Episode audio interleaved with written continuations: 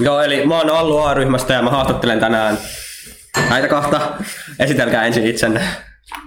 Vaikka, ja minkälainen teidän aktivistitausta on? Äh, joo, mä oon Olli Manninen Helsingistä. Äh, oon 20 vuotta tehnyt metsä, metsien puolesta duunia metsäaktivistina ja luontokartottajana ja, ja seurannut aika läheltä Suomen metsäliikettä sinä aikana 90-luvun lopulta tähän, tähän päivään asti. Että ehkä mä kerron vähän, mun rooli on tässä ehkä kertoa pikkusen enemmän näistä vanhemmista jutuista ja Iida kertoo tästä tämänhetkisestä tilanteesta. Sitten mä oon siis, teen metsäkartotuksia paljon, taustatyötä järjestöille, ihan, ihan käytännön maastotyötä, kartotuksia, suojelurajauksia, kaikenlaista, kaikenlaista taustatyötä Suomessa ja kymmenisen vuotta on tehnyt hommia ruotsalaisille järjestöille eniten ja aika paljon myöskin on Venäjällä sitten ollut. Joo, mä oon Iida Korhonen. En ole tehnyt yli 20 vuotta metsäaktivismia, mutta olen sentään ollut jo yli 20 vuotta olemassa. Ja sitten kumminkin, no oma, oma, omasta, oman lyhy, elämäni, lyhyen, lyhyestä elämästäni kumminkin aika pitkään jo tehnyt, tehnyt metsä, metsien parissa hommia lähinnä sille, että aloitin Luontoliiton metsäryhmässä ja, ja yhä olen mukana kyllä Luontoliiton metsäryhmässä, mutta sitten myös, myös Elokapinassa ja Greenpeaceissa ja, ja, ja vähän siellä täällä, missä, missä nyt pitää metsiä puolustaa ja niitähän pitää puolustaa Suomessa about kaikkialla. No mitä te piditte tuosta äskeisestä Stop Cop City-dokumentista? Vaati keskittymistä seurata sitä, sitä mutta tota, tota ihan mielenkiintoinen. Tai siinä, siinä oli ehkä, ehkä se semmoinen hektinen tunnelma, mikä siinä oli, niin, niin saattoi oikeasti aika hyvinkin kuvata sitä, miten hektistä se ehkä siellä, siellä on. Ja silleen tota, tosi erilaista ehkä meininkin kuin mitä Suomen metsäaktivismi ainakin oman kokemuksen mukaan on, mutta sitten kumminkin jotain semmoisia tietynlaisia samankaltaisuuksia jotenkin löytyi niistä, kun porukka kertoi siitä, että mitä ne tekee ja miksi. miksi ja silleen, niin oli, oli kyllä mielenkiintoinen. Joo, kiinnostava dokumentti kaiken kaikkiaan ja yllättävänkin monipuolisesti siinä käsiteltiin, käsiteltiin siinä asioita ja tavallaan yllättävän monta monipuolinen keissi tuossa on kyseessä. Et siinähän oli paljoltikin kyseessä sitten tämmöinen yhteiskunnalliset asiat muutenkin, että se, se metsä, metsä puolustaminen oli siinä vain yksi juttu, että ehkä se, että siitä oli tullut noin iso tapaus on, on paljolti, paljolti syytä siinä, että, että se, se on yhdistetty niin voimakkaasti siihen poliisiväkivaltaan ja siihen yhteiskunnallisiin ongelmiin, mitä Jenkkilässä nyt on. Tätä olihan se vähän tuommoista suuren maailman meininki, että Suomen metsäaktivismi vaikuttaa ehkä vähän tylsältä tuon jälkeen. Näittekö te siinä dokumentissa yhtymäkohtia tähän Suomen metsäliikkeeseen vai oliko se ihan täysin erilaista? Totta kai on yhtymäkohtia, siis kyllähän siinäkin tavallaan se metsän puolustaminen ja metsän tärkeys, metsän ja luonnon itseisarvo oli myöskin mukana siinä argumentaatiossa selkeästi. Ehkä, ehkä jos vertaa Suomen tilanteeseen, niin, niin tavallaan jotkut tällaiset kaupunkimetsätaistelut on ehkä päässyt tavallaan lähimmäksi tollaisia, tollaisia tapauksia. että niin kuin klassisestihan Suomessa metsäaktivismi on sitä, että on puolustettu metsiä hakkuilta ja on haluttu säästää, suojella enemmän metsiä.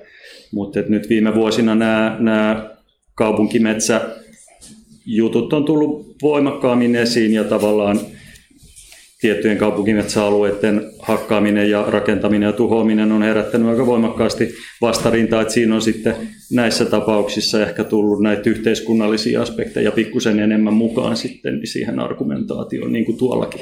Ei nyt niin monipuolisesti kuin tuolla, mutta, mutta jotain kuitenkin.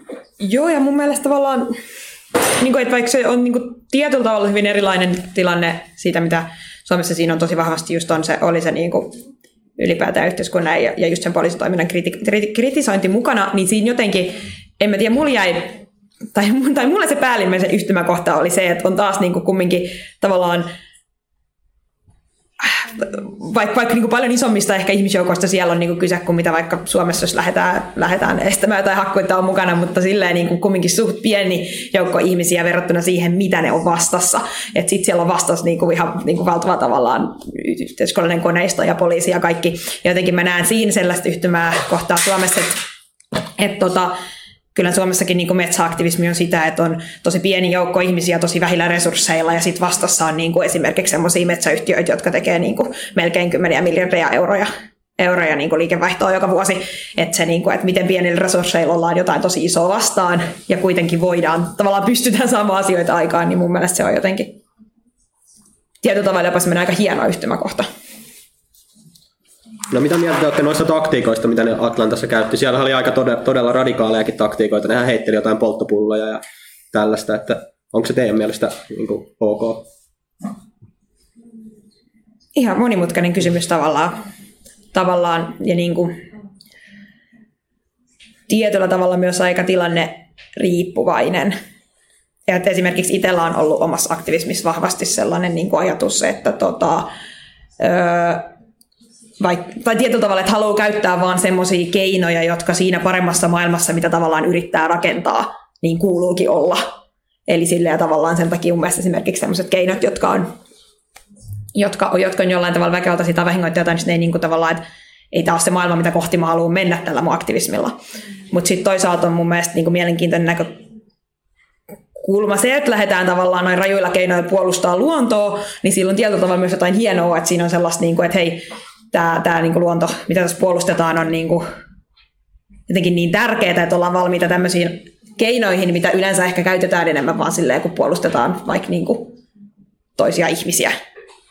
Niin jotenkin se tavallaan luonnon itseisarvotuominen siihen, että porukka on valmis, ei, ei pelkästään niin niihin keinoihin, mutta vaikka siihen, että asumaan useita vuosia siellä metsässä, niin, niin jotenkin tavallaan, tavallaan se on, se on mielenkiintoinen. Se jotenkin ehkä niin kuin Öö, no toki tässä ei ollut pelkästään siitä luonnosta kyse, mutta mut ylipäätään se, että, joo, että, että tavallaan niin kuin myös ei, ei inhimil, niin kuin ihmisasiat voi olla niin tärkeitä, että niiden puolesta, puolesta ollaan valmiita toimimaan. Joo, tuossahan tuolla liikkeellä tosiaan oli aika paljonkin niitä, niitä eri, eri tapoja toimia sen puolesta, että se oli iso liike, niin kuin ymmärsin tämän dokumentin mukaan, että siinä on tuhansia ihmisiä mukana ja siihen asiaan yritetään vaikuttaa todella monella tavalla poliittisesti ja vetoomuksilla. Ihmiset siellä paikallisesti vetoa päättäjiin tosi laajalla rintamalla. Se, että sit siinä on, on osana sitä vastarintaa tehty, tehty sitten radikaaliksi katsottua toimintaa myöskin, niin se voi olla, voi olla tarkoituksenmukaista. Ja vaikutti siltä, että esimerkiksi nuo painostuskeinot, mitä tämmöisiin pieniin firmoihin, jotka on ollut mukana tässä projektissa, niin ne on jopa toiminut. Mä en nyt osaa kommentoida, onko se järkevää ja mitä mieltä mä oon siitä, koska mä, mä oon nähnyt vaan tuon dokumentin ja se oli aika lyhyt, lyhyt tavallaan pätkä. Ehkä mun pitäisi perehtyä vähän tarkemmin tuohon koko keissiin, mutta ihan mielenkiintoinen aspekti, että tämmöisellä painostuksella on mahdollisesti saatu sitten kuitenkin sitä, sitä asiaa, asiaa tota, venytettyä. Niin ja itse asiassa tai mun mielestä on mielenkiintoinen toi radikaaliuden termikin, tai se ajatus siitä, että et, et se, että vaikka no, poltetaan se poliisiauto, niin se on tosi radikaalia, mutta sitten, että me kaadetaan se metsä, niin se on niin normaalia toimintaa, ei siinä ole mitään radikaalia. Vaikka ihan samalla tavalla siinä jotain tuhotaan. Ja ehkä vähän enemmän jopa siinä metsän kohdalla, koska se on oikeasti elävä. Ehkä se nyt voisi sanoa, että se ainakin mulla nyt jäi semmoinen vaikutelma, että se, se tuki tälle liikkeelle siellä paikallisesti on todella voimakas sillä alueella. Ja tavallaan ilman sellaista, sellaista voimakasta, voimakasta liikettä, voimakasta tukea ehkä tämmöiset radikaalit toimet olisi, olisi tuomittu paljon helpommin. Vaikea nyt sanoa, tosiaan pitäisi ehkä perehtyä tuohon liikkeeseen paremmin, mutta oli kyllä mielenkiintoinen ja ajatuksia herättävä dokumentti kaiken kaikkiaan. Okei, mennään sitten suomalaisen metsäliikkeeseen. Eli mitä suomalaiselle metsäliikkeelle kuuluu nykyään? Onko metsäliikkeellä niin, kuin, niin kutsutusti hyvä drive tällä hetkellä vai? On. on, onhan sillä oikein, oikein hyvä drive. Tai niin kuin itse kun miettii tätä niin kuin omaa lyhyttä metsäaktivismitaipaletta, niin että silloin kun 2017 lähti niin kuin mukaan jotenkin enemmän metsä aktivismikuvioihin tai yritti lähteä mukaan, ja tuntuu, että onpas tämä nyt vaikeaa, ja onko tätä metsäaktivismia nyt Suomessa edes. tai silleen oli niinku haastavaa, ja sitten niinku, kun vertaa sitä niinku tähän, tähän päivään, että miten paljon jotenkin yhtäkkiä on ihmisiä tekemässä asioita, ja, ja, ja, ja se on niin kyllä niin on semmoinen olo, että vau, mene, meneepäs tästä hyvin. Tietenkin aina voisi mennä paremminkin. Tai toivotaan, että... Tai musta tuntuu, että nyt mä oon niin viimeisen niin 2020 vuodesta jälkeen joka vuosi on vaan ollut silleen, että mä oon ollut silleen, että no onpas meillä nyt paljon toimintaa ja sitten seuraavan vuonna ollakin vielä vähän enemmän ja sitten seuraavan vuonna on ollut taas vähän enemmän, niin mä toivon, että tämä sama niin kuin nousukiito jatkuu. Joo, metsäliike Suomessa noin niin kuin, historiallisesti se on ollut melkoisen pientä, pientä, että se on ollut aika paljon sellaista paikallista toimintaa, että ihmiset että on ollut paikallisia luonnonsuojelu, luonnonsuojelijoita, jotka toimii niin kuin paikallisesti niille tärkeiden metsäalueiden puolesta esimerkiksi. Sitähän on joka, koko ajan olemassa tämmöistä paikallista tai alueellista toimintaa. Ja sen lisäksi sitten tietenkin luonnonsuojelujärjestöt yrittää tehdä, yrittää tehdä ö, poliittista vaikuttamista kansallisella tasolla, että asioita saadaan muutettua. Ja tavallaan sen lisäksi sitten Suomessa on tavallaan tämmöinen, ehkä voisi puhua radikaalimmasta metsäliikkeestä, ehkä lähti silloin 80-luvun lopulta, kun haluttiin osoittaa niitä epäkohtia ihan maastossa ja tavallaan ruvettiin tekemään tämmöisiä mielenosoitus, mielenosoituksia maastossa esimerkiksi. Et ehkä tässä kun puhutaan metsäliikkeestä, niin ilmeisesti ehkä viitataan lähinnä tämmöiseen vähän niin kuin radikaalimpaan metsäliikkeeseen, joka myöskin tekee, tekee tota, mielenosoituksia maastossa ja muualla. Et sekä ei ole hirveän iso ollut, mutta Luontoliiton metsäryhmä ja paikalliset toimijat Greenpeace tällaista, tällaista on tehty, mutta että melko pientähän se on ollut. Se on ollut tavallaan tämän päätöksenteon ja muiden järjestöjen ehkä tämmöistä kirittämistä, että yritetään ottaa näitä epäkohtia niin kuin konkreettisesti esiin, että näytetään joku kohde, jota meinataan tuhota ja yritetään saada siihen sit sitä, sitä huomiota. Nyt on näyttää hyvältä tosiaan tämä uusi metsäliike, niminen metsäliike näyttää aika vahvalta ja, ja tota, siellä on kiitettävä paljon nuorta voimaa liikkeellä ja mä toivon, että, että se, se vahvistuu ja, ja sitä todellakin tarvitaan, niin ei Suomen metsiä, puolust, metsiä puolustavia ihmisiä ikinä ole liikaa.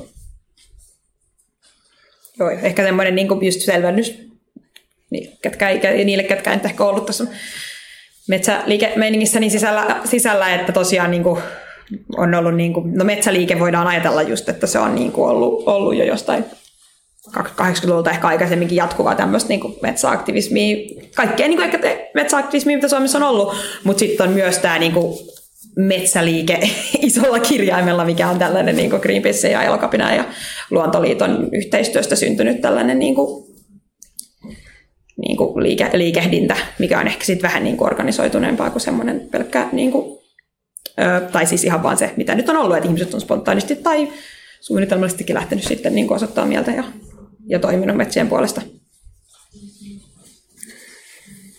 Minkälaisena te näette suomalaisen metsäliikkeen ideologisen taustan? Onko metsäliikkeessä ollut niin pääasiassa anarkisteja vai niin ehkä vihreän puolueen tyyppejä vai minkälaista porukkaa siellä on?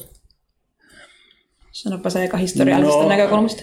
Tästä on luultavasti joku kirjoittanut jotain analyysiäkin joskus, toivottavasti mä en puhu, puhu läpi ja päähäni, mutta, tota, mutta että mä näkisin ehkä, että se, jos 79 Koijärveltä ja sitten 80-luvulla Talaskankaalta lähtenyt tämmöinen radikaalimpi metsäliike, niin se on ollut aika asia, asia edellä menevä. Et kaikki, ketkä nyt on ollut kiinnostunut luonnosta ja sen suojelemisesta ja niin sen luonnon puolustamisesta, niin siihen on tullut aika monenlaista porukkaa. Et ei se ollut mitenkään organisoitua tai jotenkin suunniteltu, että minkälaisia ihmisiä voi tulla. Et mun käsittääkseni varsinkin alkuvaiheessa oli hyvinkin sekalaista porukkaa. Toki vihreästi ajattelevat vihreä, vihreän liikkeen parista tuli paljon porukkaa, vasemmistolaisesti ajattelevia, varmasti anarkistisesti ajattelevia ihmisiä on paljon ollut mukana, mutta mä tiedän, että on ollut ihan suorastaan oikeistolaisesti ajattelevia tai sellaisia ihmisiä mukana, joiden, joiden ideologia mä en ehkä noissa muussa,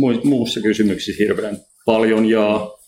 ja se on tavallaan ollut hyväkin, hyväkin. Mä en tiedä, miten se nyt on sitten kehittynyt. Voi olla, että tämä tilanne on viime vuosina ehkä mennyt vähän sille polarisoituneesti, että tämä metsien suojelukysymys on jätetty hipeille. Että, niin kuin, että se on niin kuin vihreät ja, ja vassarit, jotka sitä nyt ajaa. Että se on ehkä vähän harmikin, että se on tavallaan polarisoitunut niin, että oikeistolaiset puolueet vaikka Suomessa saattaa vastustaa aika voimakkaastikin luonnonsuojelun lisäämistä.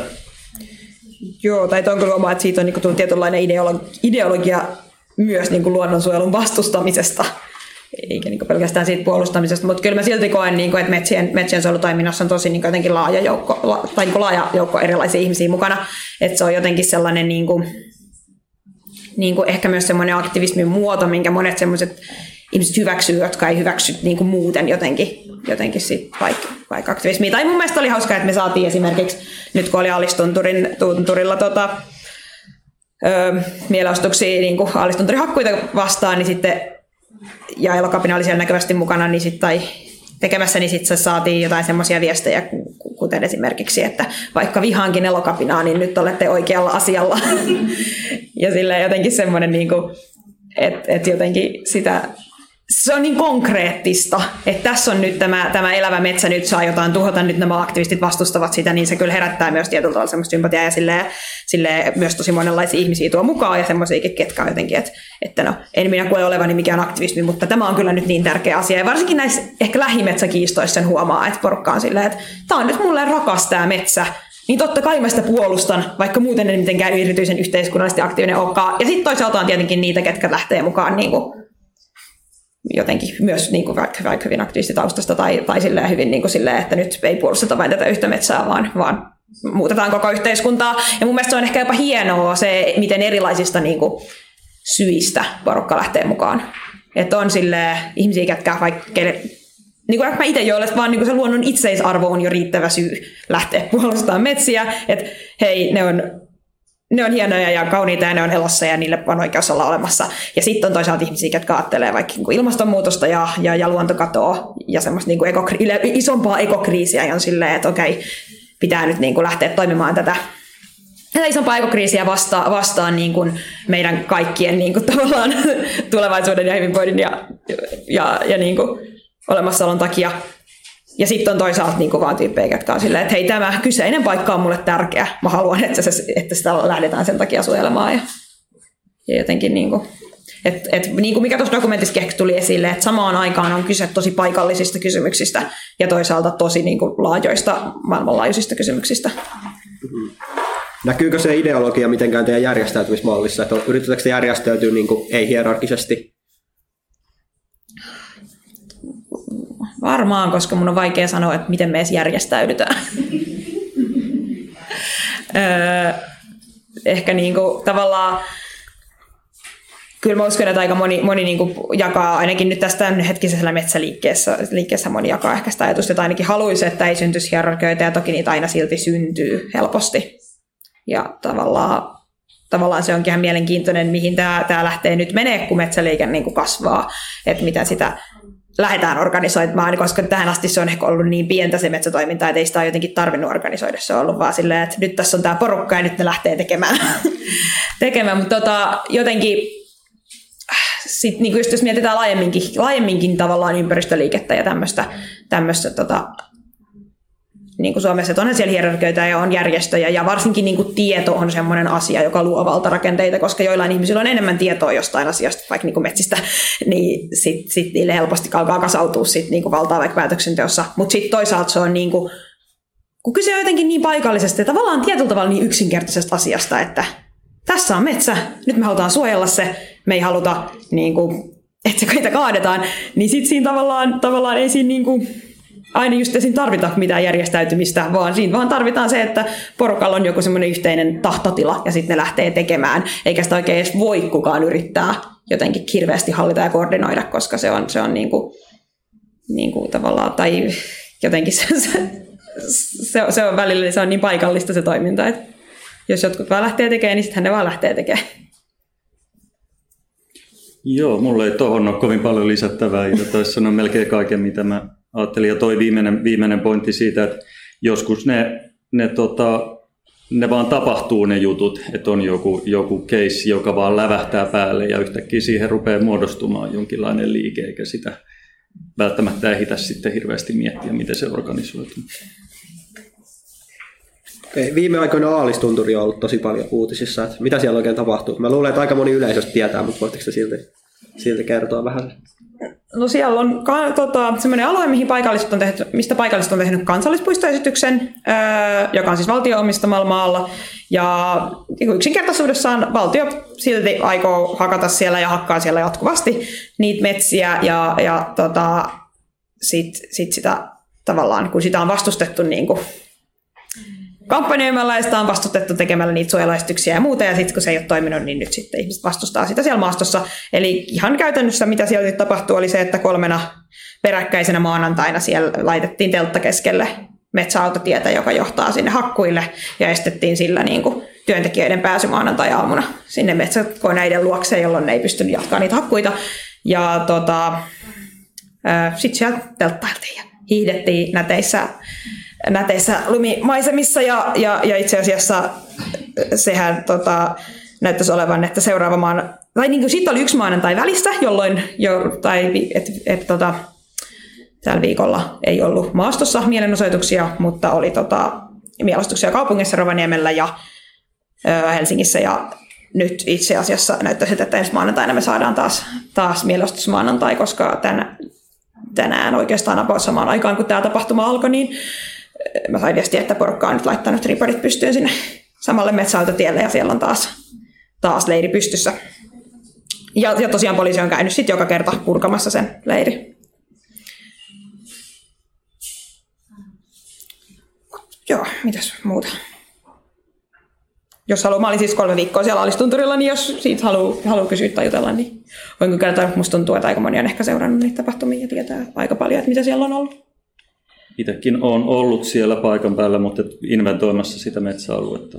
Kahtena, kahtena kesänä siellä käyty siellä paikan päällä tutkimassa sen alueen luontoarvoja. Tunnetaankin se alue melko hyvin.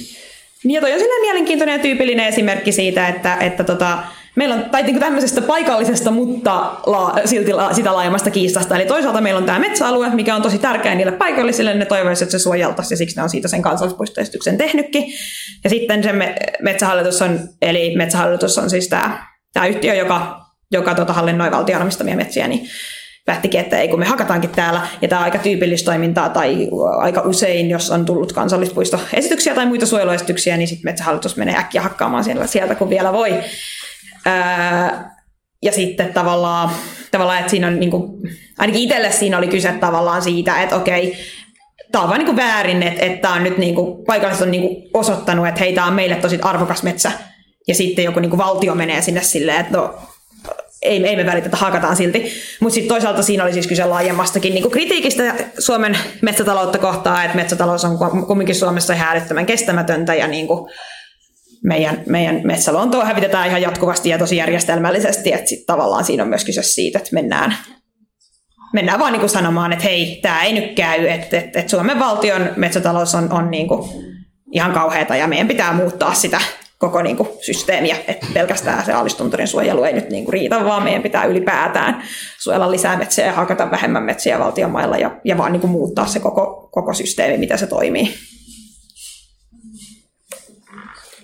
Mainitsittekin äsken jompikumpi tuon kartoituksen, niin voitteko kertoa lisää tuosta metsä, metsäkartoituksesta? No, metsien luontoarvojen kartoitus on, on suomalaisten luonnonsuojelijoiden hyvin paljon käyttämä keino, keino niiden suojelemiseen. Eli, eli kun metsistä tiedetään, tiedetään mitä, mitä meillä on, niin sitä on helpompi puolustaa. Ja tavallaan tiedon tuottaminen suojelun arvoisesta arvokkaasta metsäluonnosta on tehokas keino suojelun edistämiseen. Ja kun Suomessa ei tällä hetkellä oikeastaan ole kunnollista, kunnollista niin kuin viranomaistoimintaa siihen, tai mitä käytännössä strategista luonnonsuojelusuunnittelua. Suomessa ei ole viranomaisia, jotka tutkis järjestelmällisesti suojelematonta arvokasta luontoa ja tekisi suunnitelmia sen suojelemiseksi. Eli niin se homma on oikeastaan langennut paljolti luonnonsuojeluliikkeelle, yksittäisille toimijoille ja järjestöille, eli se on tavallaan tullut hyvin tärkeäksi osaksi sitä työtä, eli osoitetaan, että on suojelemattomia, hienoja, arvokkaita kohteita olemassa, ja sitten ruvetaan tappelemaan niiden puolesta. Niin, ja tämä on siis mielenkiintoinen osoitus siitä, että Suomessa tavallaan ollaan ylpeitä siitä, että meillä on niin, hyvä, hyvin, niin paljon tietoa meidän metsistä, mutta että meillä on tietoa vaan niin kuin talousnäkökulmasta meidän metsistä, että me tiedetään paljonko meillä on siellä puuta kasvamassa ja paljonko me saadaan siitä rahaa, mutta tavallaan sitä tietoa, että, että miten niin kuin luonnolla menee ja millaista luontoa meillä on metsissä, niin sitä me tietoa meillä ei sitten niin ole, ellei, ellei niin kuin luonnonsuojelijat käy sitä tietoa hankkimassa se on tavallaan väärin, että me joudutaan tekemään tämä homma, mikä kuuluisi viranomaisille, mutta toisaalta se on yksi tapa saada, saada tavallaan yliote siinä argumentoinnissa, koska me tunnetaan ne kohteet paremmin, niin silloin meidän on helpompi toimia niiden alueiden puolesta. Ja se kiva. No on se toki mukavaakin siellä metsässä liikkuu tietysti ja saa siinä luontoelämyksiä ja niin edespäin. No, tässä metsäkamppailussa keskitytään aika usein paljon voimavaroja tosi, tosi pieneen alueeseen. Että te varmaan näette, että se on lopulta järke, järkevää toimintaa kuitenkin. No joo, se on ehkä silleen, että, että, että pitää aina valita joku kohde, joka, joka tota, no joo, siis toki jokainen kohde on aina oma kohteensa ja siinä tapellaan siitä yhdestä kohteesta, mutta et useimmiten kyse on myöskin laajemmasta kysymyksistä, että se, se taistelu jonkun yhden kohteen puolesta on myöskin laajennettavissa tavallaan, niin se näyttää sen laajemman ongelman yhteiskunnassa, on se sitten valtionmaat, on se sitten kuntametsät tai on se metsätalous yleensä. Eli, eli siinä mielessä se, että tapellaan jonkun pienen alueen puolesta, se on tärkeää sen alueen suhteen, mutta jos, varsinkin jos sitä viestiä pystytään laajentamaan sitten laajemmaksi, niin, niin se on toki tärkeää. Ja, ja tietysti se paljoltihan tämä menee julkisuuden kautta, että jos joku pienen, pienenkin kohteen tilanne saa paljon julkisuutta, niin se on varsin todennäköistä, että se auttaa muita kohteita sitten jatkossa. Että kyse ei ole pelkästään siitä yhdestä pienestä kohteesta. Niin ja mun mielestä toi on tavallaan tärkeä just toi auttaa, auttaa tule muita kohteita jatkossa. Tai niin kuin, että mun mielestä jotenkin tuossa dokumentissakin tuli esille se, että, että sitä tavallaan koko rakennushanketta haluttiin niin kuin viedä eteenpäin hiljaisuudessa ja silleen niin kuin nopeasti ja vähän salassa. Ja sitten se tuli julkisuuteen ja sitten sinne tuli nämä isot mielenosoitukset ja nyt niin kuin siitä tiedetään laajasti. Ja tavallaan toi on ainakin itselle tosi tärkeä osa siinä, että, että, että meillä tapahtuu niin kuin ihan jatkuvaa järjestelmällistä niin kuin luonnon tuhontaa kaikkialla. Ja, ja se tapahtuu silleen vähän niin kuin katseilta piilossa ja se pitää saada näkyväksi. Ja se, että, niin kuin, että, että, että tavallaan niille, keillä on tavallaan on, on, on valtaa näistä asioista päättää, tulee sellainen olo, että ne ei niinku pääse niistä niiden päätöksistä silleen kuin koiraveräjäs, että nyt me hakataan siellä ja ei kukaan edes huomaa, vaan että tulee tavallaan joku tav- niinku este ja sitten joutuu ehkä itsekin vähän miettimään, että hei, hei, mitäs tässä nyt tehdään. Eli esimerkiksi tuolla Laalistunturilla mun mielestä se oli niinku tavallaan tavallaan että tärkeää, että, että toisaalta siinä saatiin paljon julkisuutta sille kansallispuistoesitykselle, joka parantaa sen kansallispuistoesityksen mahdollisuuksia mennä läpi. Ja sitten toisaalta siinä niin kuin, tavallaan häirittiin sitä metsähallituksen jokapäiväistä elämää. Et se, että niillä on, ne vaan niin jatkuvasti hakkaa valtion metsiä ja ne jatkuvasti hakkaa suojelun arvoisia metsiä. Ja nyt joku tuli häiritsemään sitä ja, ja, ja niin kuin, tavallaan toteamaan, että, tai niin kuin tuomaan sen päivävaloon, niin se on mulle jotenkin tärkeää, että, että, että ne yksittäiset kohteet tavallaan vaan tietyllä tavalla osoittaa sen, mitä ihan jatkuvasti vaan tapahtuu. Mutta se on, meillä on ihan valtavasti tavallaan semmoisia metsiä Suomessa, mitä pitäisi puolustaa, eikä niitä kaikkia ehditä puolustamaan, niin sitten tavallaan se, että me valitaan niitä tiettyjä kohteita, joihin mennään, niin, niin se on niinku tavallaan niiden kaikkien kohteiden, kohteiden suojelua tai ainakin niiden kaikkien, kaikkien niin metsien puolesta toimimista. Suomeen ei ole muodostunut tällaisia pysyviä leirejä, missä aktivistit asuu. Niin kuin Keski-Euroopassa esimerkiksi tämä Hammachin metsä, mikä on, mikä on tosi kuuluisa. Ja nyt oli vähän aikaa sitten kanssa siellä, oliko se Leins-niminen paikka Saksassa. Ja siellä, niin minkä takia Suomeen ei ole muodostunut tällaisia? No toi on ehkä just sen takia, että, että kun niitä metsiä on niin paljon, tai se, että, että kun monesta tuommoisessa paikassa, missä muodostuu tämmöinen pysyvä leiri, niin ei ole välttämättä ensinnäkään ei ole välttämättä kyse vaan siitä metsästä, vaan tässäkin esimerkiksi on kyse siitä, siitä tavallaan sen niin poliisitoiminnan vastustamisesta, vaikka siellä vastustettiin myös sitä niin kuin ruskohiilikaivoksen laajenemista.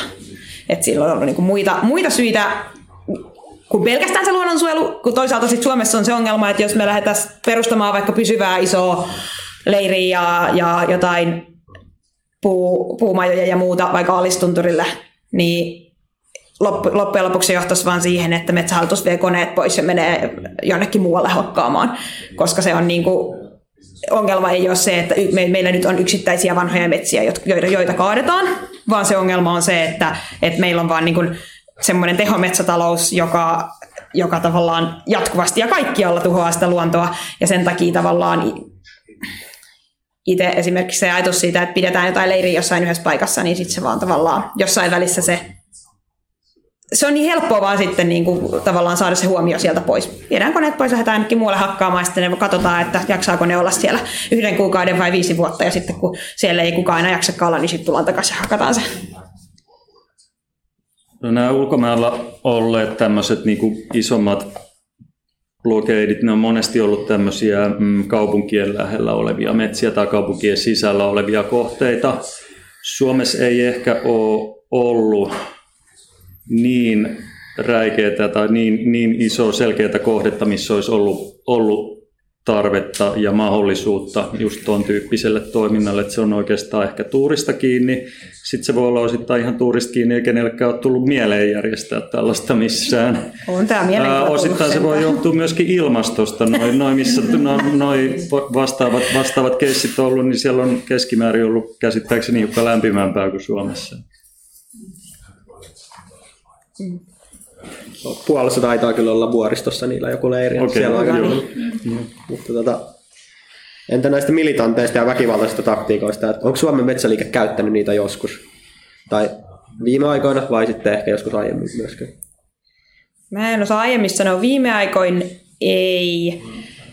Ainakaan mun tietääkseni on ollut tavallaan No tavallaan kuten tuossa alussa sanottiin, että Suomen metsäaktivismi jopa ollut vähän semmoista tylsää, että, että tota, usein jos on vaikka pysäytetty jotain hakkuita, niin se on vaan johtanut siihen, että koneet on viety kaikessa hiljaisuudessa pois, eikä edes mitään tavallaan media haluta syntynyt eikä poliiseja tullut. Ja näin, että Alistunturi oli pitkästä aikaa ehkä, missä tuli semmoinen niin kuin isompi media, media halu sen ympärille sen takia, että sinne tosiaan kutsuttiin poliiseja ö, viemään aktivisteja pois, eikä vaan viety kaikessa hiljaisuudessa koneita pois ja odotettu pari kuukautta, että aktivistit lähtee ja tultu takaisin, mikä on ehkä ollut se metsäyhtiöiden strategia nyt lähiaikoina. Mutta mä oon itse nähnyt myös sen, että ei niille ole ainakaan vielä ollut myös niinku semmoista tarvetta, koska me ollaan pystytty, tai on ollut aika paljon paljon, tai niin kuin yllättävän paljonkin oikeasti vaan saatu aikaan sillä, että muutama ihminen menee ja, ja, ja estää metsäkoneen toimimisen. Joo, ei tällaista tosiaan ole ollut, että, että niin kuin kovimmillaan jotain pientä vahingontekoa mahdollisesti, mutta että se, lasketaanko sitäkään nyt väkivallaksi, niin tota, en sitten tiedä. Ei siihen ollut tarvetta ja tosiaan meillä ei ole ollut ihan tällaisia tapauksia, että just niin kuin nämä, tämä dokumentissa esitetty tapaus tai jotkut muut vastaavat, meillä ei ollut semmoista tapausta, missä se tilanne olisi vaan viety, viety tuohon tilanteeseen, missä olisi käytetty kaikki muut, kaikki muut keinot jo, niin tavallaan tällaista tilannetta ei ehkä ole tullut, missä, missä se olisi ollut perusteltavissa ruveta tekemään mahdollistetuista. Mikä se tarina oli, kun metsäautotia kaivettiin No sehän. Sellainen tarina voi olla, olen, joo. Mm. Lainattiin, sehän palautettiin mm. kuulemaan täsmälleen samaan paikkaan. Tai se, miten mä oon kuullut sen tarinan, tarinan tai miten se on mulle kerrottu, niin se mm, palautettiin samaan paikkaan ja, ja se, se, se, oli kuulemma, sitä oli käytetty niin hyvin, että, että jossain paikallislehdessä oli oli sen kaivinkoneen, keneltä se oli varastettu, niin omist, tai se firma kommentoinut, että jos tietäisimme, kuka se oli, oli niin palkkaisimme. Mutta mut joo, tavallaan tuollaista, no toskin sitten mietit, aletaan miettiä näitä rajoja, että onko se, että esimerkiksi kaivetaan monttu metsäautotiehen tai rakennetaan joku este metsäautotiehen, niin onko se, millaiseksi, millaiseksi mm, keinoksi se tavallaan lasketaan. Ehkä, ehkä itse ajattelen sen vielä aika kumminkin noihin verrattuna aika semmoiseksi rauhaumaiseksi ja, ja, ja ei, ei niin kovin radikaaliksi keinoksi. Se voisi olla kevät-tulva, joka sen metsäautotien laittaa poikki. Niin. Mutta mut jotenkin mä myös näen, että, että Suomessa on, on, on aika mielen, tai niin vaikea ympäristö tavallaan, toimintaympäristö alkaa käyttää mitään sen niin kuin, tavallaan sabotaaseja tai tai muita tuommoisia keinoja sen takia, että, että täällä eletään vähän semmoisella vaakalaudalle toisaalta niin kuin, on tosi paljon ihmisiä, ketkä, ketkä tukee niin luonnonsuojelijoiden, jotka niin kuin, suomalaiset tykkää luonnosta ja haluaa, että sitä suojellaan. Mutta toisaalta täällä on myös silti niin kuin, aika vahva yhteiskunnallinen hyväksyttävyys tälle nykyiselle metsätaloudelle. Ja, ja suuri osa ihmisistä niin kuin ajattelee, että et, et nykyisessä metsätaloudessa ei ole mitään vikaa, ja, ja, ja tavallaan tietyllä tavalla suomalaiset on saatu niin kuin viherpestyä ajattelemaan, että, että meidän metsätalous on jotenkin kestävää, niin sitten siinä on helposti sellainen riski, että jos metsäaktivismit alkaa käyttää liian kovia keinoja, niin sitten se aletaan, niin kuin, ne aletaan näkee vähän niin kuin, että, että, että, että tai sitten, että, että sit se niin kuin niiden argumenttienkin voima vähenee, että sitten aletaan ajattelemaan, että no noi on noita tommosia tommosia, että et, et uskotaan mieluummin näitä pukuihin pukeutuneita UPM ja Stura Enson virkamiehiä, jotka, jotka näyttää jotenkin luotettavilta. Ja, niin, niin tavallaan, että siinä on ehkä ollut semmoinen, semmoinen kanssa pelko, että se alkaa sitten niinku syömään omaa viestiä hyvin vahvasti takana, koska kyllä metsäaktivismissa pelataan aika paljon semmoisella yleisön sympatialla, että kiva. Tai niin kuin, että se oli jännä, kun tuossa dokumentissa sanoi, että niin kuin joidenkin liikkeiden tarkoitus on olla jotenkin beautiful losers. Ja mun mielestä se oli kauhean, tietyllä tavalla kauhean hyvin sanottu, koska kyllä usein kun lähtee johonkin metsätaistoon, niin siinä on ehkä vähän toi mentaliteetti. Että ollaan silleen, että no ei tätä välttämättä voiteta, mutta ainakin niin kuin herätetään tietyllä tavalla ison yleisön sympatia. tulee semmoinen, niille tulee semmoinen olo, että nyt nuo ihmiset telttailee tuolla pakkasessa puolustamassa metsää ja sitten poliisi kantaa ne sieltä pois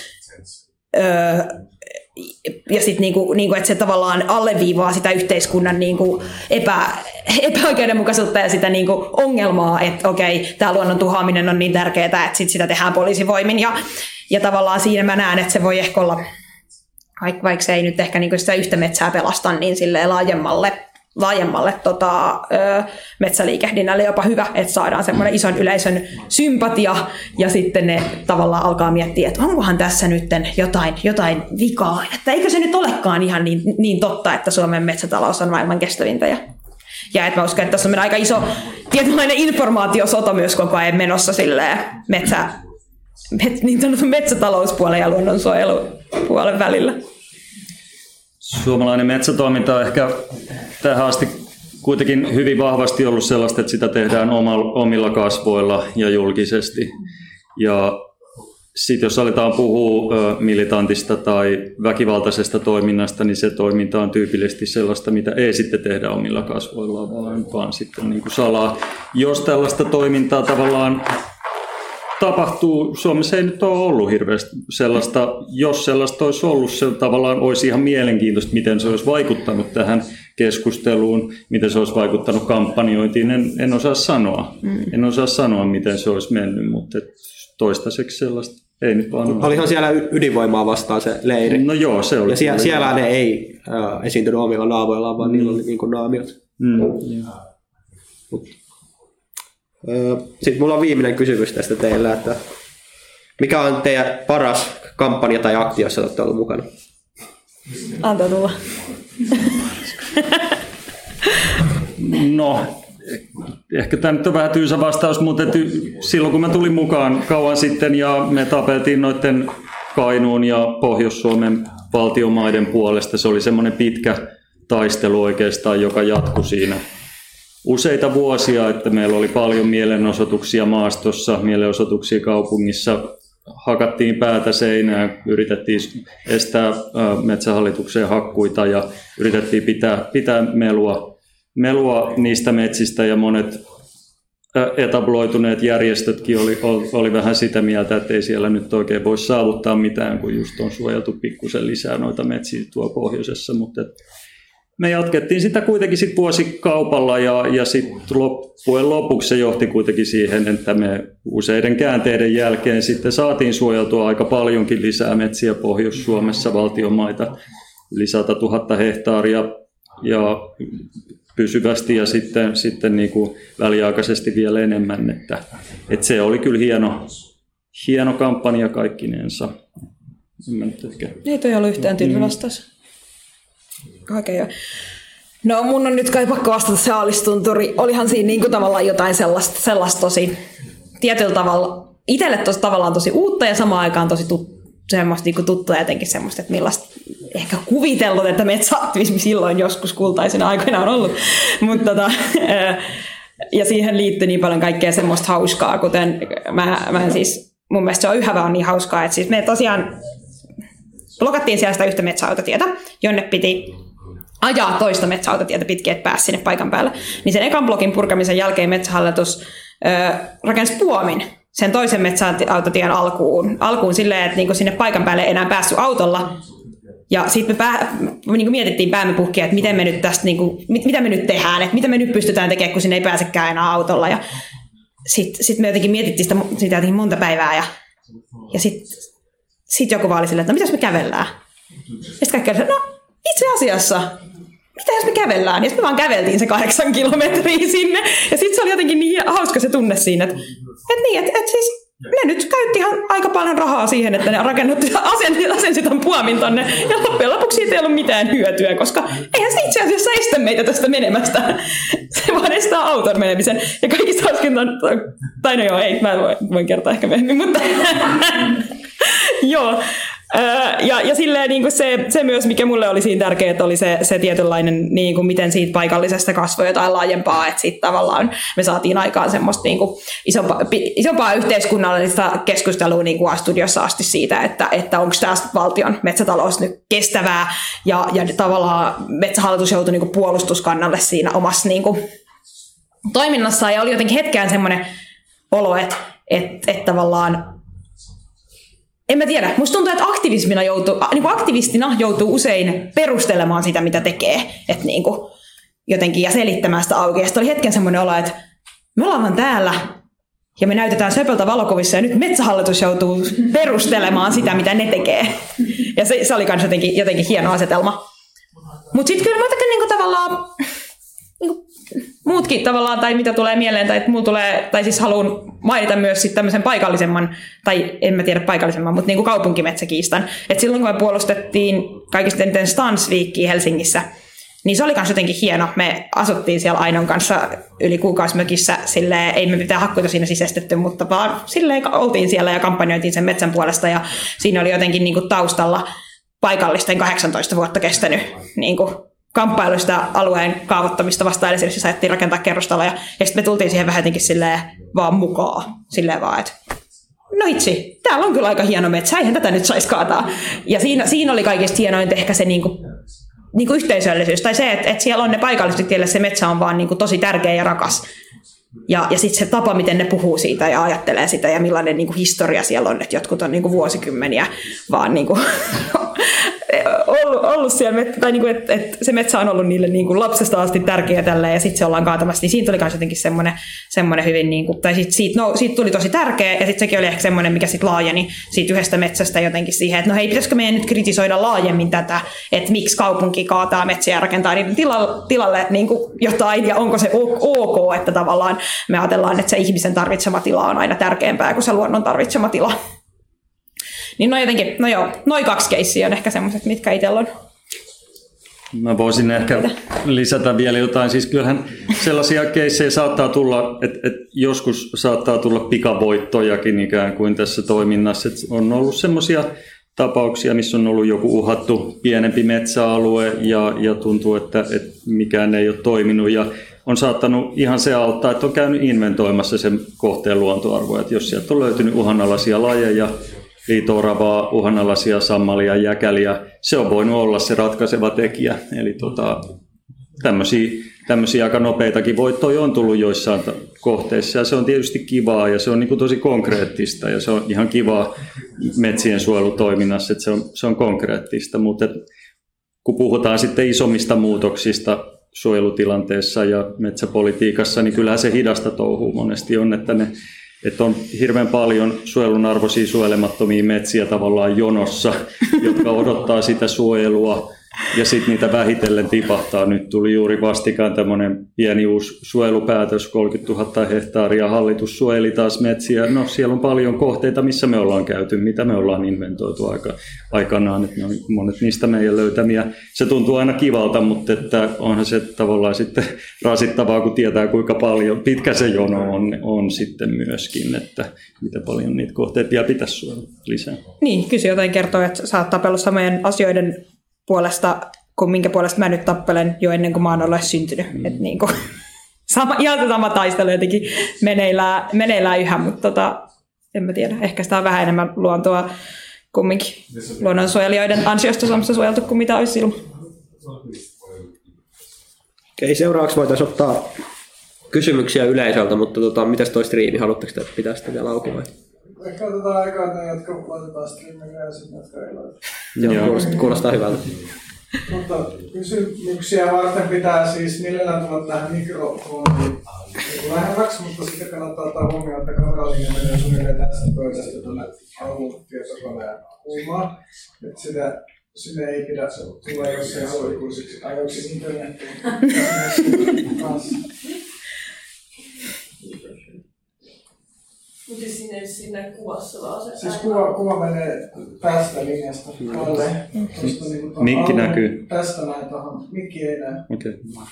Voi, voi varmaan myös... Mutta mikki on siis kuvan alapuolella. Että se, Tai sitten Ihan- huudatte jos- kysymyksen jos- sieltä ja me to- Jos toistetaan. ei, Niin. jos ei se ole suunnilleen tässä, niin sitten ei. Se varmaan käännetään tuolta joka tapauksessa. Mitä? Se varmaan käännetään tuolta joka tapauksessa. Tämä on se jää, että minkä takia... Mut joo. Tää ei enää siis mene nettiin, tää käännös. Tää käännös ei mene enää nettiin. no niin. Okei, okay, kysymyksiä?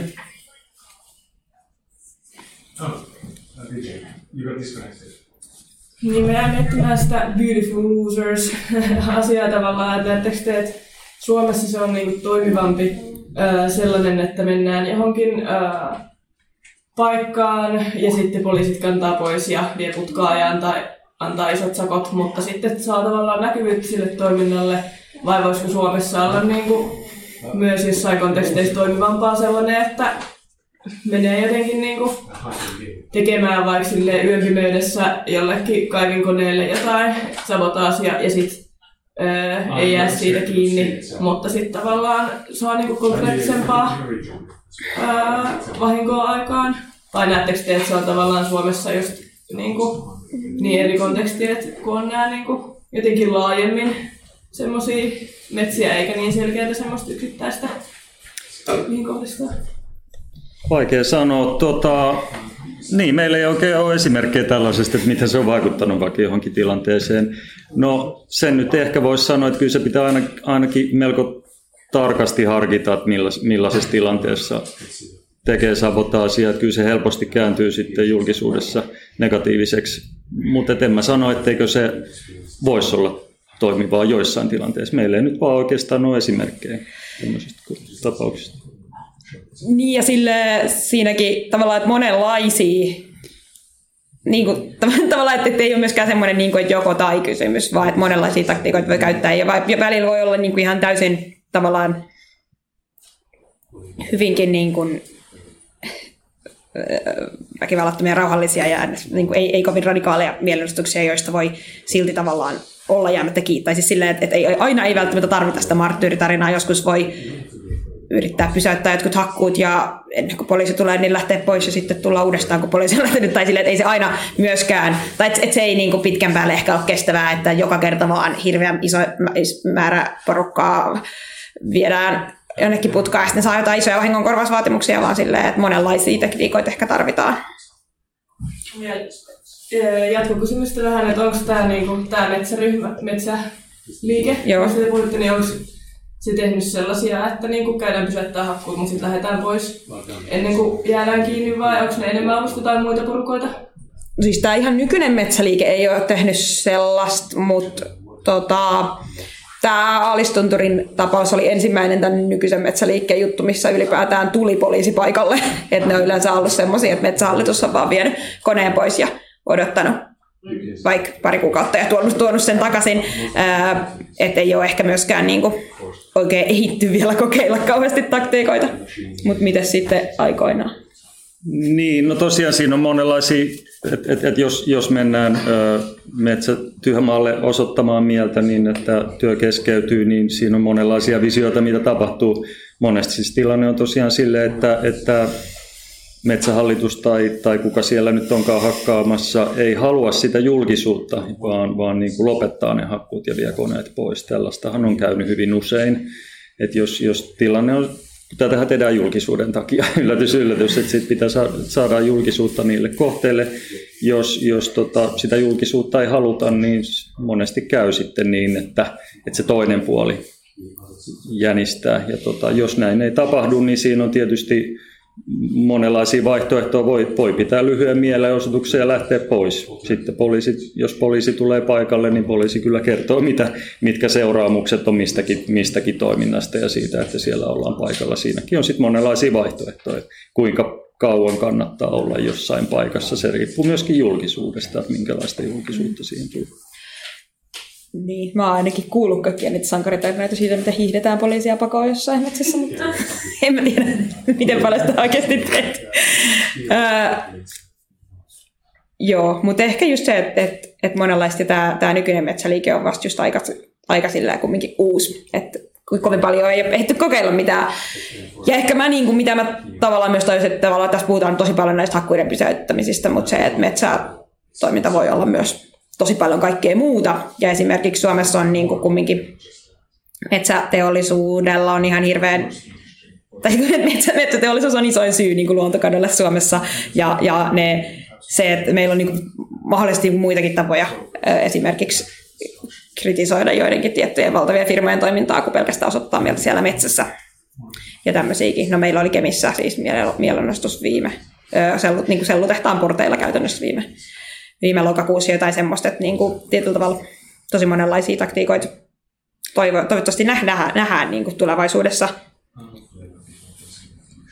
Joo, kyllä monenlaisia taktiikoita ja, ja keinoja voidaan käyttää ja kaikkia niistä ei ole nähty. Että kyllä se on ehkä ollut tietyllä tavalla urautunutta tämä, tämä metsien suojelutoiminta Suomessa, että se on kohteiden kartottamista ja sitten mielenosoittamista niiden kohteiden puolesta ja toki sitten poliittista vaikuttamista, mutta että monenmoista, monenmoista performanssia ja, ja, ja tota, actionia voitaisiin järjestää mielikuvitussoralla. Ja tosiaan eihän se ole poissuljettua, että tämmöisiä pitkäkestoisempia leiriäkin jo, jonkun tapa, ta, tapauksen ympärille muodostuu jossain vaiheessa Suomessa. Saa nähdä.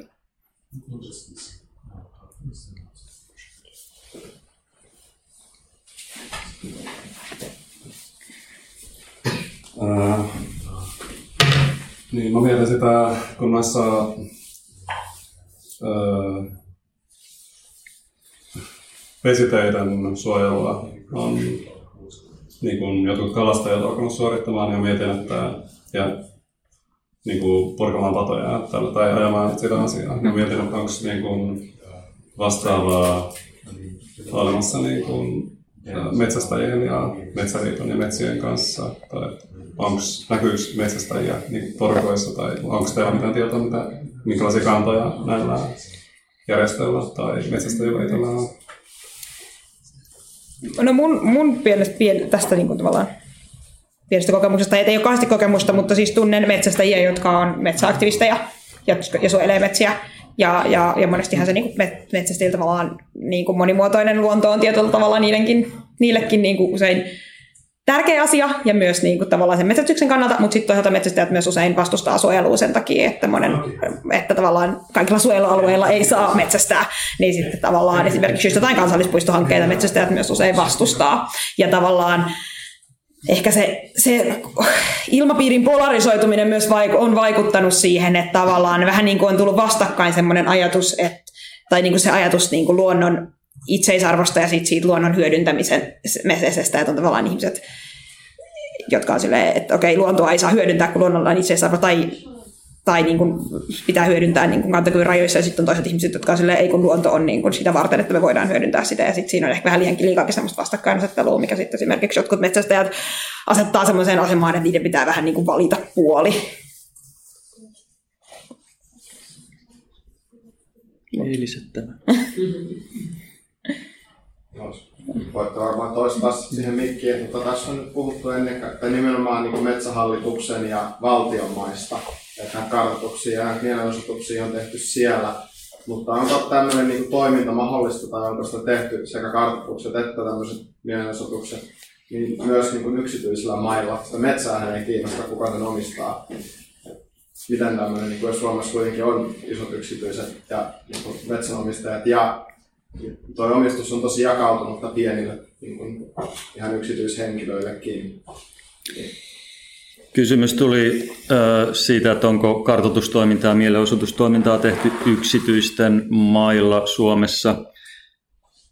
No, joka miehen oikeuden nojalla metsissä saa liikkua ja niiden luontoarvoja tutkia. Kyllä siis metsien kartoitusta tehdään paljon, myöskin, no en tiedä paljon, mutta tehdään myöskin yksityisillä mailla.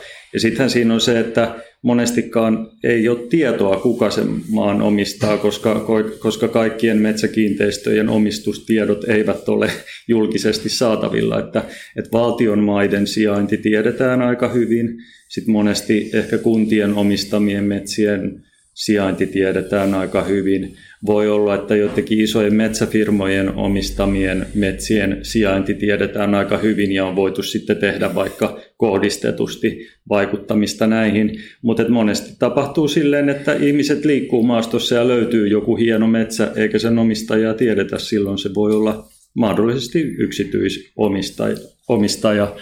Et silloin jos puhutaan ihan, ihan yksityisomistajaisesta metsistä, niin se, se tota, toiminta menee, menee paljon niin, että ne kartoitustulokset annetaan viranomaisille, eli ely ja se on heidän, heidän asiansa viedä eteenpäin tavallaan sitä suojelua, tai se kannattaa ainakin ensin tehdä sitä kautta. Ja, ja kyllä monia yksityiskohteitakin on löydetty ja saatu suojeltua. Sehän riippuu aivan omistajasta, on, onko se suojelumyönteinen metsänomistaja vai ei. Että aika vaikea on ketään pakottaa suojelemaan metsiä jos ei sieltä nyt jotain aivan poikkeuksellisia luontoarvoja löydy.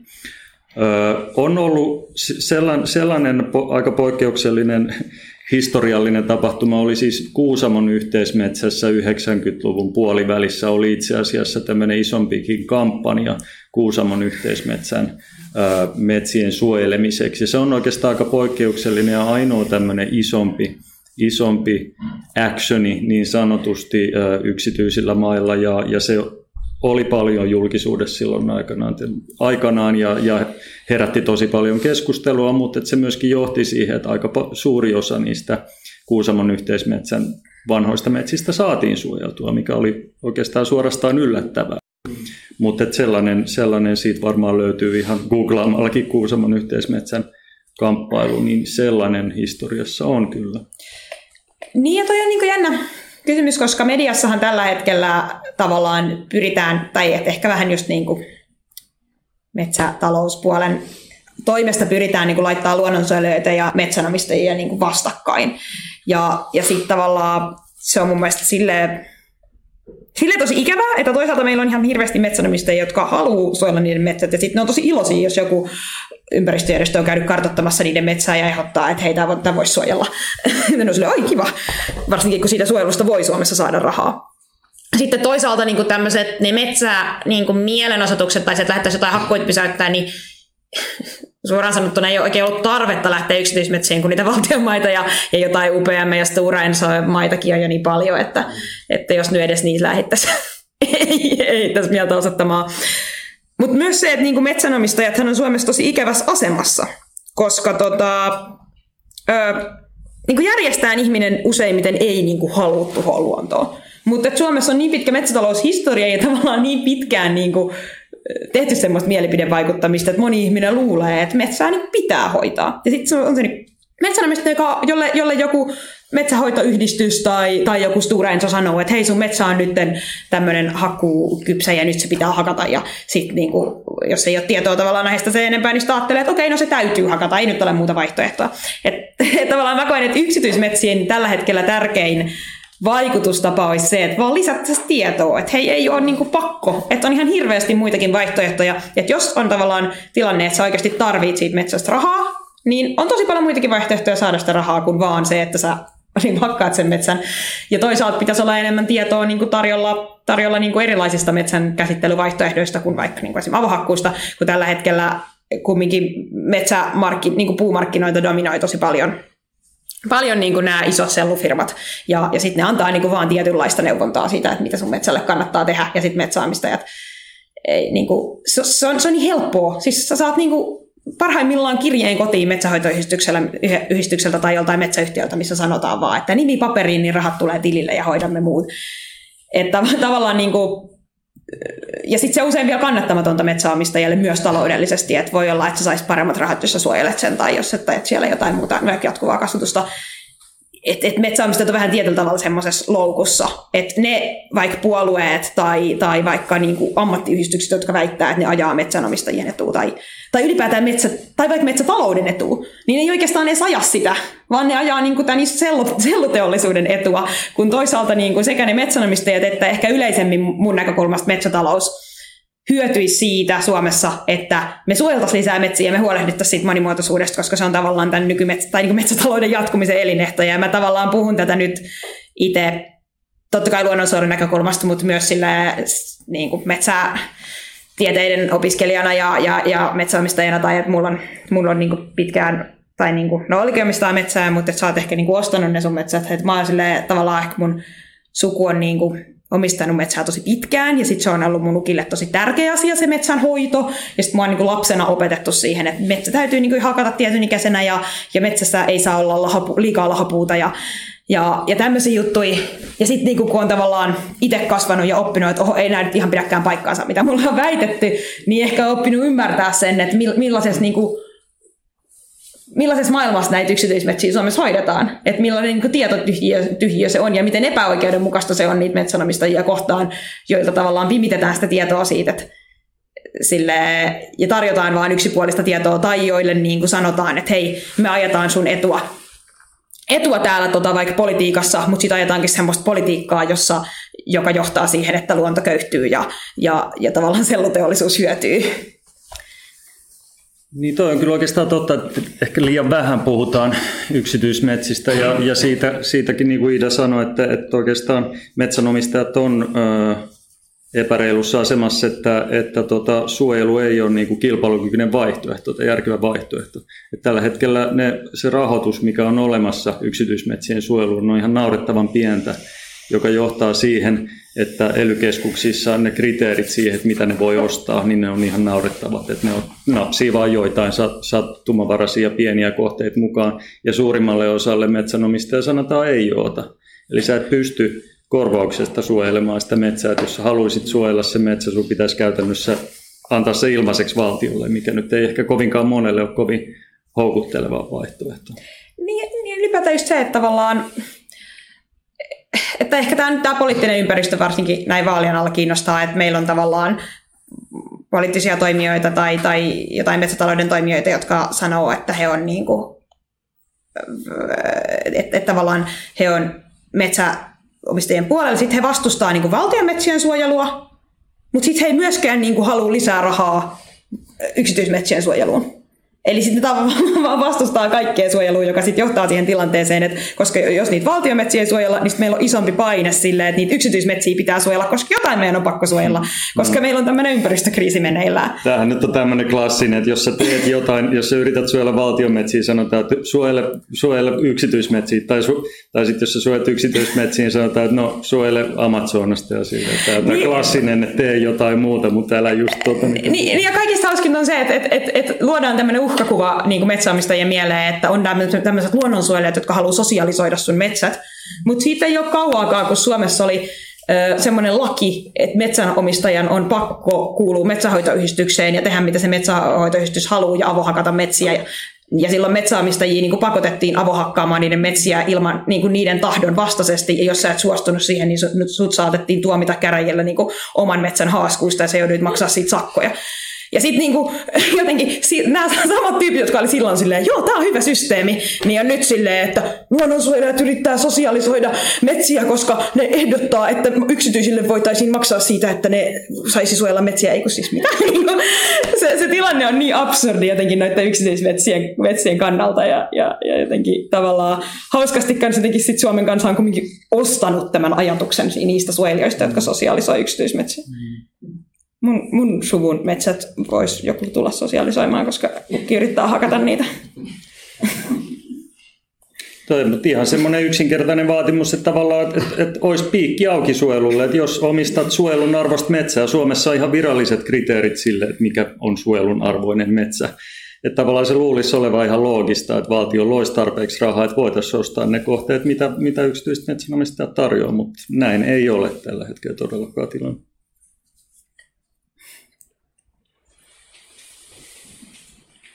Niin mä mietin, että miten toi toimii se niin kuin yksityisten metsien suojelu tavallaan, onko se sitten, että valtio niin kuin ostaa sen pois siltä yksityiseltä, vai että siitä saa jotenkin säännöllisesti jotain rahaa, kun sä omistat sen suojelun metsän, ja onko niissä jotkut kiintiöt, niin kuin, että miten paljon yksityistä metsää voidaan suojella, vai onko niissä kriteerit, minkä mukaan mennään, vai miten se toimii. Okei, okay. monta kysymystä. Okay, aika näihin me sitten. Niin kuin mä sanoin, kriteerit on olemassa, että Suomessa että on olemassa viralliset kriteerit suojelun arvoiselle Metso-ohjelman puitteissa, Metso-ohjelman luonnontieteelliset valintaperusteet, ja ne on aika selkeät kriteerit. Ja Metso-ohjelma, selitä nopein mikä se on, mm. koska kaikki eivät välttämättä Joo. No, se on siis suojeluohjelma käytännössä, että, että valtio voi ostaa metsiä suojeluun yksityisiltä. Metso-ohjelmassa on myöskin tai on sellainenkin mahdollisuus, että on voinut väliaikaisesti suojella metsiä tätä 10 vuodeksi tai 80 vuodeksi, mutta se on aika vähäistä. Että käytännössä yleensä se tapahtuu niin, että, että, että yksityinen metsä myydään se koko kiinteistö valtiolle suojeluun tai joissain tapauksissa myydään se puusto niin, että sitä puustoa ei saa hakata, mutta maanpohja muodollisesti pysyy sen, sen ihmisen omistuksessa, mikä nyt on vähän abstra- on abstra- abstrakti, abstrakti asia sinänsä.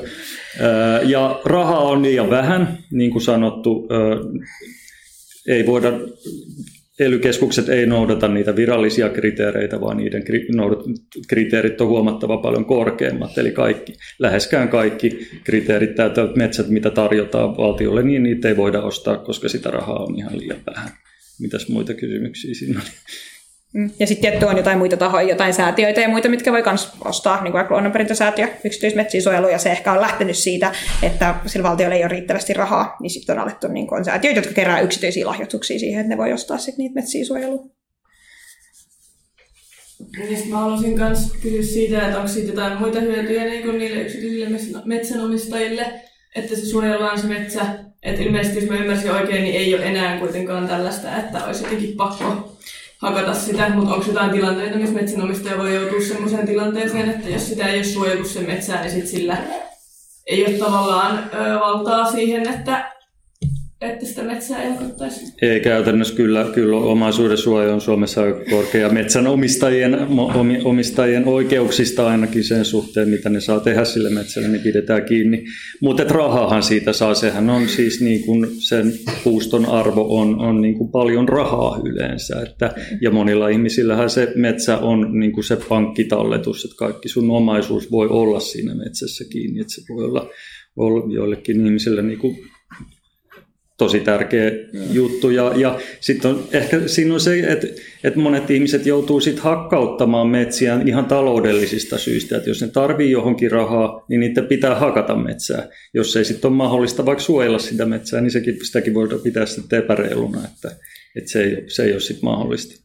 Niin ja sitten tavallaan toikin, tai on semmoinen ehkä aihe, minkä ehkä lähitulevaisuudessa toivoisi muuttuvan tai että metsäomistajille voi tulla yllättäviäkin uusia rahavirtoja esimerkiksi just jonkun niin kuin hiilikaupan myötä, myötä ja tällä. Ja tota, et jatkuvasti puhutaan siitä, että esimerkiksi just se, niin kuin ennallistamiset, kompensaatiot ja hiilikauppa on sellainen asia, mitkä voi, voikin niin kuin tulevaisuudessa tuoda, tuoda metsäomistajille kaikkia sellaisia tuloja, mitkä ei liity, liity tota, metsien hakkaamiseen, mutta se on kaikki vielä vähän semmoiselle teoreettiselle, että ehkä sitten, mutta ainakin itse tavallaan toivon, että, että niitä mahdollisuuksia tulee lisää. Se muuttaisi varmaan tilannetta aika paljon. Toistaiseksi käytännössä sellaisia ei ole. Ei, ei, ei ole muita. Että se me- metsän arvo määräytyy aina sen puu, puumäärä, että paljonko, maks, paljonko siitä saisi rahaa, jos se veisi tehtaalle sen puuston, niin tota, se on käytännössä se metsän arvo. Mutta onhan siinä niin, sit kun se on suojeltu, niin sitten se on suojeltu sitten sit tavallaan niin se on aika turvassa se metsä, ainakin toistaiseksi Suomessa niin lailla suojellut metsät on aika turvassa.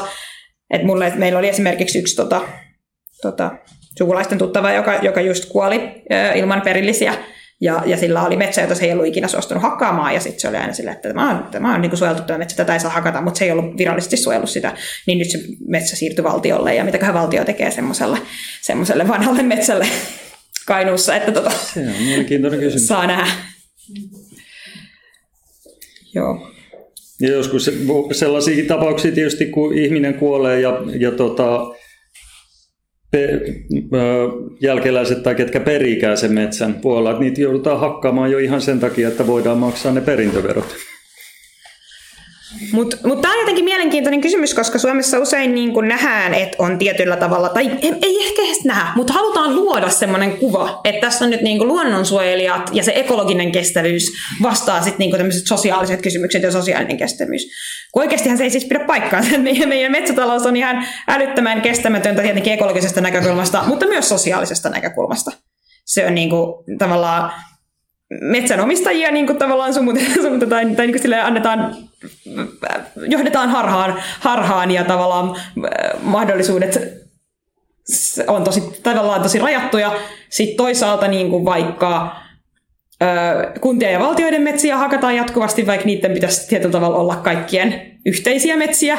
Ja vaikka tavallaan on, on todettu moneen, moneenkin kertaan kaikissa kyselytutkimuksissa, että suomalaiset haluaisivat, metsiä suojeltaisiin lisää, niin sitten niitä kumminkin tavallaan ö, hakataan. vaikeaa. Ja sitten sit tavallaan vielä se, että et niinku, ne hyödyt, mitä metsähakkuista on yleensä, siis eli taloudelliset hyödyt ja vaikka työllisyyshyödyt, niin ne yleensä valuu jonnekin muualle kuin minne se ympäristöhaitta jää. Eli me hakataan täällä metsää, ne paikalliset siellä joutuu kärsimään siitä haitasta, mikä siitä tulee, ja sitten se raha ja työllisyysvaikutus onkin jossain muualla. Et se on niinku tavallaan meidän tämä nykyinen metsätaloussysteemi on niinku sosiaalisesti tosi, tosi epäoikeudenmukainen. Ja sitten sitä ei jotenkin kauheasti kyseenalaisteta. Ja sitten jos sitä kyseenalaistetaan, niin sitten on silleen, se on just semmoista jotain marginaali vihreiden hippien touhua.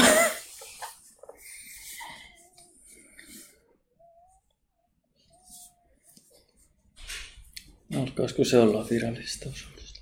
Joo, ehkä. Joo. Kiitos kaikille. Kuuntelijoille.